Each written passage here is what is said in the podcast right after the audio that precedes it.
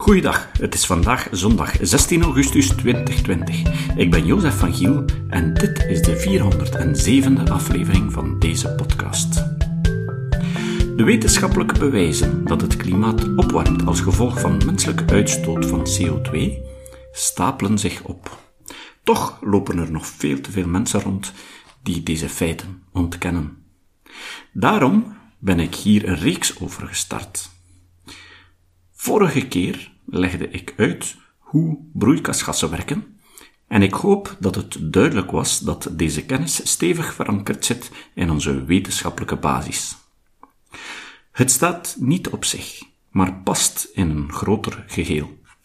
De wetenschap die het broeikaseffect verklaart, verklaart heel veel andere fenomenen die in onze dagdagelijkse technologie gebruikt wordt.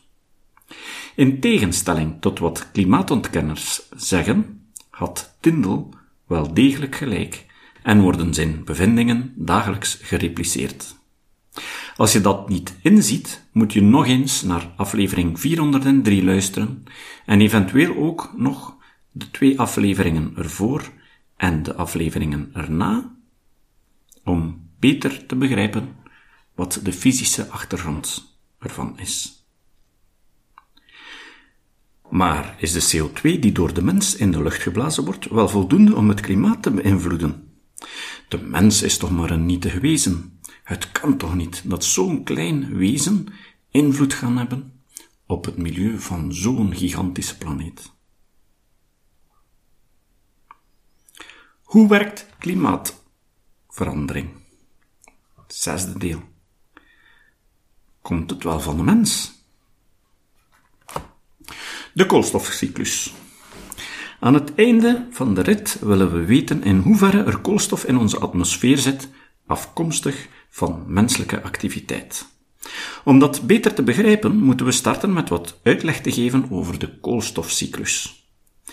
Ik heb in de notitiepagina verschillende links gestoken, maar een groot deel van de uitleg die hierna volgt over de koolstofcyclus is gebaseerd op een document met als titel Carbon Cycle Background van de Universiteit van New Hampshire. Koolstof is een van de meest voorkomende stoffen in het heelal en op aarde. In het heelal komt het op de vierde plaats, na waterstof, helium en zuurstof. Als je je nog de 34ste aflevering van deze podcast, Het heelal in een notendop, uit 2009 herinnert, zal je ook begrijpen waarom dat zo is. Bij de oerknal was er enkel waterstof en een beetje helium. Sterren begonnen waterstof via kernfusie te verbranden, tot helium. Wanneer al dat waterstof op was, gaat de ster, als ze groot genoeg is, helium beginnen verbranden tot zuurstof en koolstof. In de aardkorst is koolstof het zeventiende element. Het komt dus ook redelijk veel voor. Het zit overal, diep in de aardkorst, op het aardoppervlak, in de lucht, in de zee, meestal in een andere vorm. De koolstofcyclus is een model dat beschrijft hoe al deze koolstofvoorraden met elkaar interageren. Het is een vrij complex proces dat ik hier niet helemaal in detail zal uitleggen, maar het is belangrijk dat je de kern mee hebt.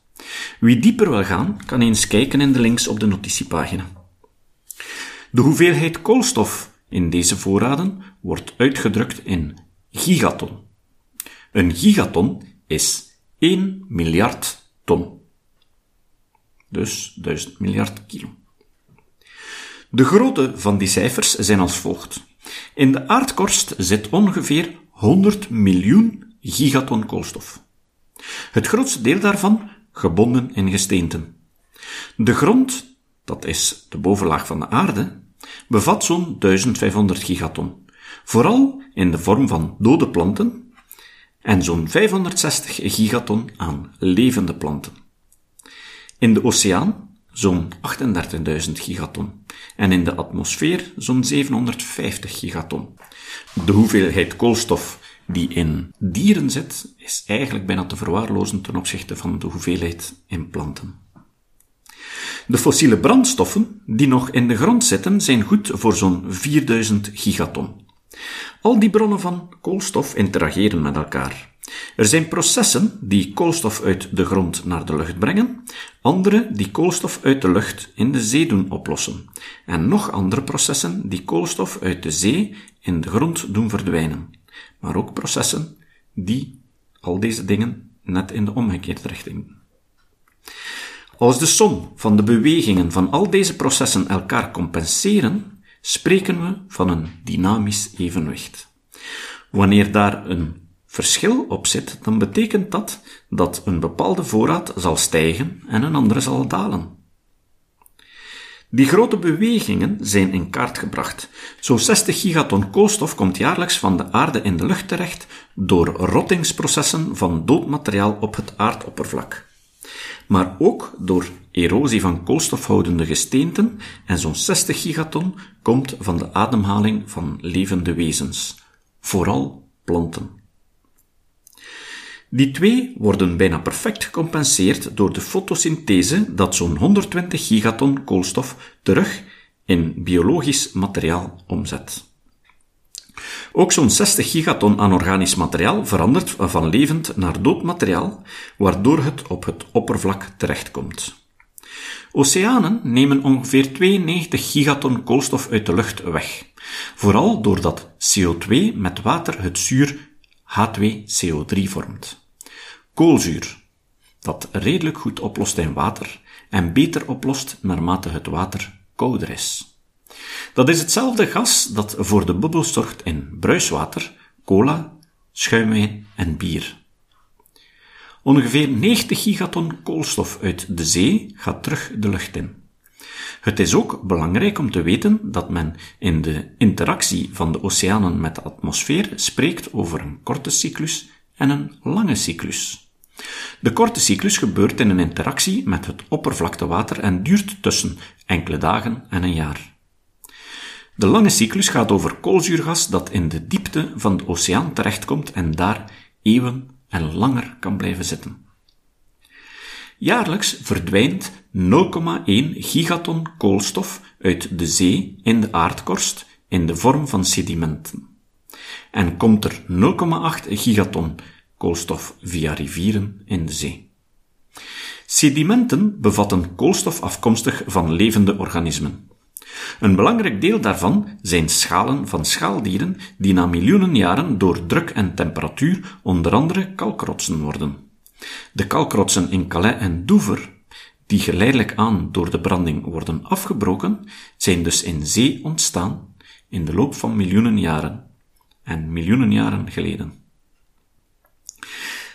Dan is er ook nog 0,1 gigaton koolstof dat in de lucht terechtkomt via vulkanen. Dan de menselijke activiteit. De mens blaast zo'n 6 gigaton aan koolstof in de atmosfeer door het verbranden van fossiele brandstoffen. De productie van cement en nog eens 0,9 gigaton door ontbossing.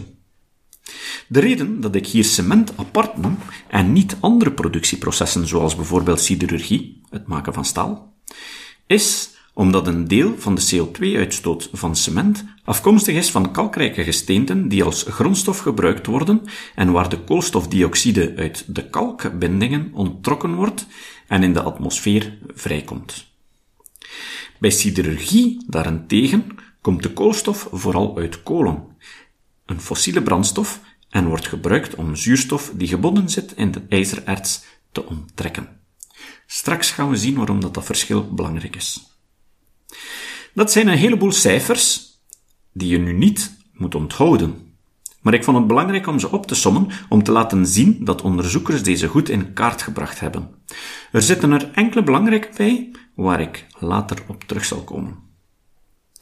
We weten hoe dik de atmosfeer is en wat de oppervlakte van de aarde is. Dus kunnen we het volume van de atmosfeer berekenen. We kennen de samenstelling van de atmosfeer, ze bestaat voor meer dan 99% uit stikstof, zuurstof en waterdamp, in die volgorde. Van een volume gas bij een specifieke druk weten we, dankzij de wet van Avogadro, hoeveel deeltjes erin zitten. Als je niet meer weet wat het getal van Avogadro is, dan moet je nog eens luisteren naar aflevering 11 over homeopathie. En van die deeltjes weten we hoeveel ze wegen als we weten welke stof het is.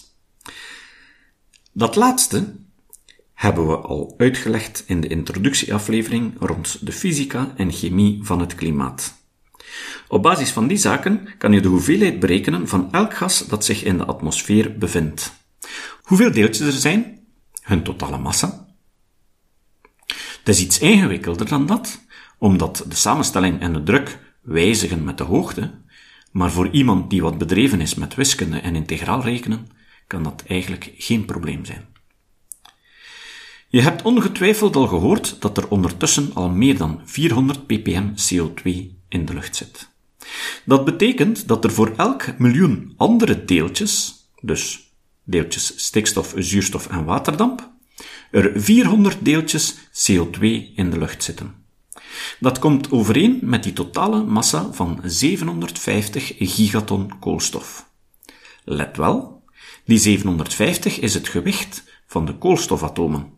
Het totale gewicht aan CO2 is dus meer dan drie keer zoveel, omdat elk koolstofatoom telkens gebonden is met twee zuurstofatomen. Om juist te zijn weegt een CO2-molecule 3,66 keer meer dan een koolstofatoom.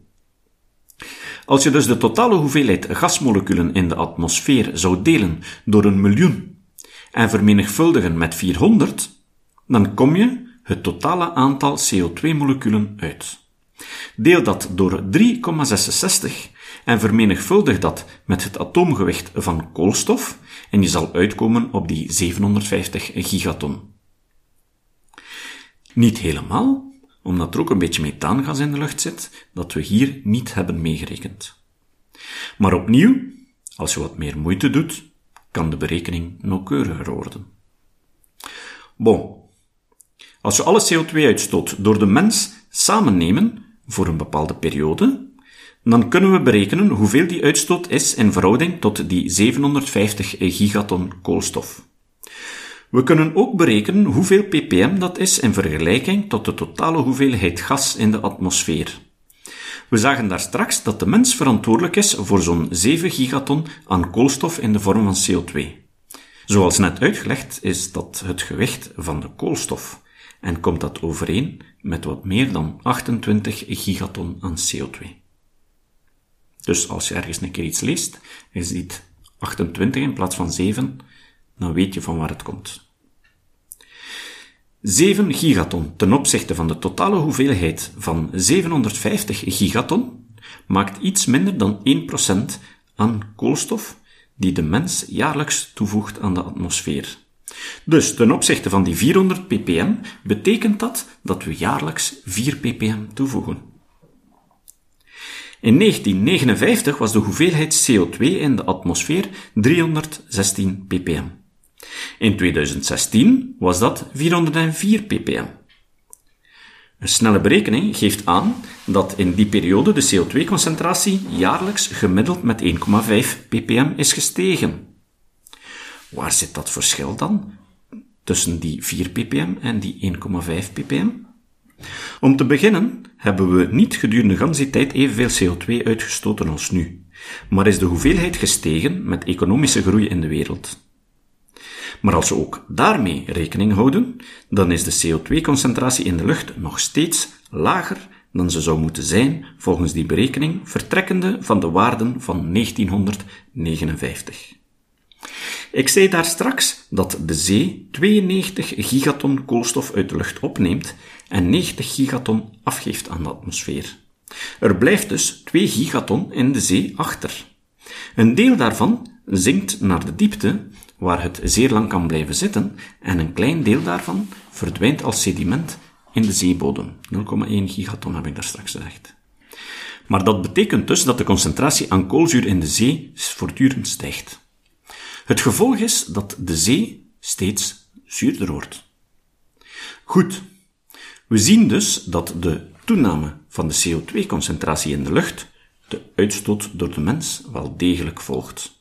Als je alle koolstof die jaarlijks in de lucht komt optelt en even geen rekening houdt met wat er weer verdwijnt, dan hebben we 120 gigaton door organismen op het land en de grond 0,1 gigaton aan vulkanische activiteit, 90 gigaton uit de zee, 0,9 gigaton door ontbossing en 6 gigaton door het verbranden van fossiele brandstoffen. Dan komen we aan een totaal van 217 gigaton koolstof. De mens stoot dus ongeveer 7 gigaton aan koolstof uit, 6 door verbranding en 1 door ontbossing. Dat is 3% van het totaal. Dat is geen verwaarloosbare hoeveelheid, zoals de klimaatontkenners ons graag laten geloven. Bovendien gebeurt dat jaar na jaar en is er geen compensatiemechanisme zoals dat bij andere processen duidelijk wel het geval is. Het probleem is eigenlijk het volgende. Als je naar de koolstofcyclus kijkt en even de uitstoot van de mens wegdenkt, dan kan je twee belangrijke cycli onderscheiden. Een snelle of korte cyclus en een lange of trage cyclus. De korte cyclus loopt over periodes van enkele maanden tot enkele decennia, misschien zelfs enkele eeuwen en wordt vooral beheerst door twee processen. De uitwisseling tussen de atmosfeer en het oppervlak van de zee, die over enkele maanden loopt, en de uitwisseling tussen de atmosfeer en het oppervlak dat varieert tussen een jaar voor bijvoorbeeld eenjarige planten tot enkele eeuwen voor langlevende bomen en organismen. De lange cyclus bestaat uit sedimentvorming, erosie, adsorptie door rotsgesteente en vulkanische activiteit. De lange cyclus loopt over een periode van miljoenen jaren. Dat wil zeggen, de koolstof die in die cyclus wordt uitgestoten, heeft miljoenen jaren in de aardkorst of de diepzee gezeten, en omgekeerd kan het ook zo lang duren eer het terug in de aardkorst of de diepzee terechtkomt. In de korte cyclus worden zeer grote hoeveelheden koolstof uitgewisseld, maar zijn de voorraden niet gigantisch. In de korte cyclus is er ook een redelijk stabiel dynamisch evenwicht waarbij de uitstoot en de absorptie elkaar ongeveer compenseren. In de lange cyclus zijn de uitgewisselde hoeveelheden veel kleiner. Je zou eigenlijk ook kunnen spreken van een snelle en een trage cyclus. Het probleem in dit verhaal is dat de mens door fossiele brandstoffen zeer snel, over een periode van zo'n 200 jaar, koolstof uit de trage cyclus toevoegt in de atmosfeer. Aan de snelheidscyclus. Goed, maar wanneer de CO2 in de lucht komt, is elke molecule toch identiek en kunnen we niet uitmaken wat de bron van die uitstoot is. Ja, toch? Een atoom is toch een atoom? Herinner je dat ik in de aflevering over de chemie van klimaatverandering zei dat de kern van een koolstofatoom bestaat uit 12 kerndeeltjes, 6 protonen en 6 neutronen. Maar dat sommige koolstofatomen 7 of 8 neutronen bezitten. Men spreekt dan van het isotoop koolstof 13 of koolstof 14, omdat het 13 of 14 in plaats van 12 kerndeeltjes bevat. Er zijn ook isotopen van koolstof met slechts 8 kerndeeltjes tot een met hele zware van 22 kerndeeltjes. Maar behalve koolstof 12, koolstof 13 en koolstof 14 zijn die zo onstabiel dat ze bijna onmiddellijk verdwijnen nadat ze zijn ontstaan. De meeste blijven maar fracties van een seconde bestaan. Enkele overleven wat langer, zoals koolstof 11, die het 20 minuten volhoudt, vooraleer de helft van de isotopen verdwenen is. Men spreekt van de halfwaardetijd. Koolstof 12 en koolstof 13 zijn stabiel en vervallen niet vanzelf. Bijna alle koolstof is koolstof 12, maar ongeveer 1% is koolstof 13. Wat interessant is, is dat er verhoudingsgewijs minder koolstof 13 zit in fossiele voorraden dan in oppervlaktekoolstof. De reden dat dat zo is, is dat in planten koolstof 12 sneller wordt opgenomen dan koolstof 13, omdat die eerste lichter is. En aangezien fossiele brandstoffen ontstaan uit organisch materiaal van miljoenen jaren geleden, bevatten die minder koolstof 13 dan er in de atmosfeer zit. Dus, als de mens verantwoordelijk is voor de stijging van de CO2 in de lucht als gevolg van het verbranden van fossiele brandstoffen, dan moet de verhouding tussen koolstof 13 en koolstof 12 in de lucht met de tijd dalen. En dat is precies wat we vaststellen. We kunnen dat historisch ook reconstrueren, want naarmate er minder koolstof-13 in de lucht zit, zullen planten ook minder koolstof-13 opnemen, aangezien de planten hun koolstof uit de lucht halen.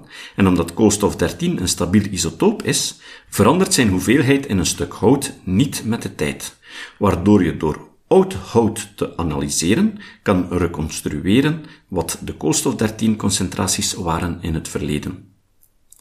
En raad eens, de bevindingen komen overeen met de verwachtingen op basis van wat we verbranden. Klimaatontkenners vragen dikwijls of de stijging van de CO2 misschien het gevolg is van vulkanische activiteit.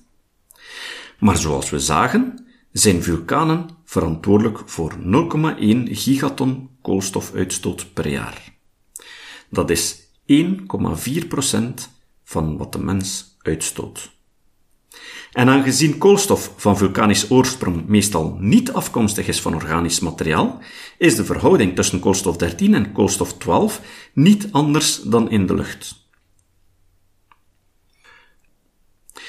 Er zijn nog andere manieren hoe we weten dat de effecten van de mens komen. Misschien maak ik daar later nog een aflevering over. Er zijn natuurlijk nog van die vragen die een klimaatontkenner zou kunnen stellen. De ene al wat zotter dan de andere. Misschien behandel ik die nog wel in een latere aflevering. Bijvoorbeeld, ligt het niet aan de activiteit van de zon? Nee, want de evolutie van de zonneactiviteit komt niet overeen met de evolutie van de klimaatopwarming. Wie het zich herinnert, weet dat ik in 2015 het grote klimaatdebat heb opgenomen vanaf aflevering 255. Daar beweerde Bas van Geel dat het klimaat veranderde als gevolg van de zonneactiviteit.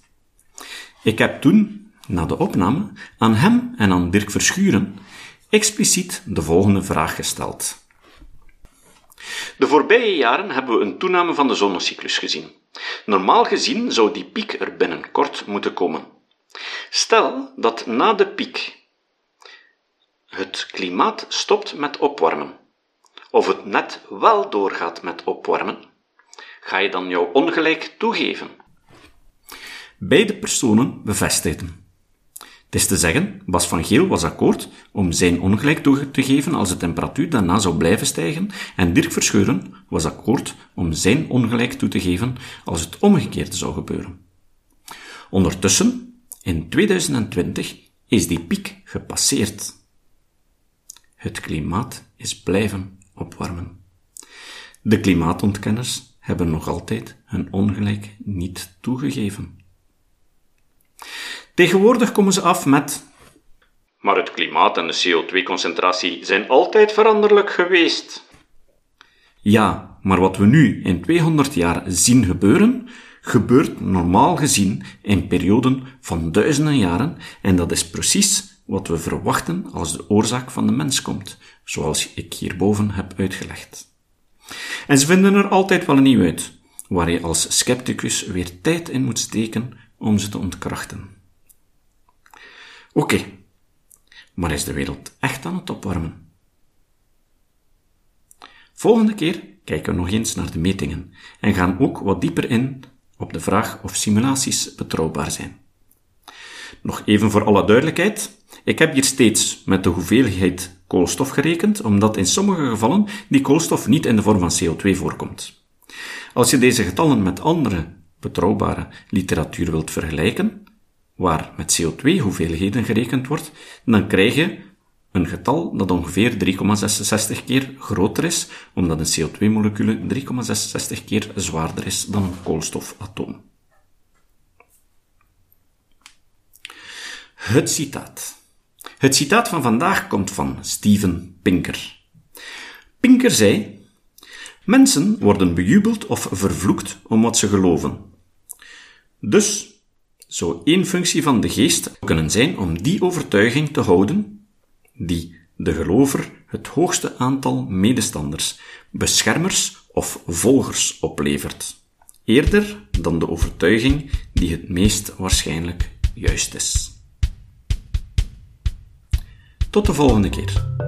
Dit was de podcast Kritisch Denken. Vergeet niet om alles kritisch te behandelen, ook deze podcast. Voor verdere informatie over deze podcast, links en voor de tekst, surf naar www.kritischdenken.info. Als je deze podcast belangrijk vindt, kun je me steunen door anderen warm te maken ook eens te luisteren. Stuur een e-mail naar vrienden met een link naar de website en plaats de link in de handtekening van je e-mails. Tevens kun je op iTunes deze podcast een beoordeling geven of een recensie schrijven. Of je kan op je eigen website of blog een link naar kritisch denken plaatsen.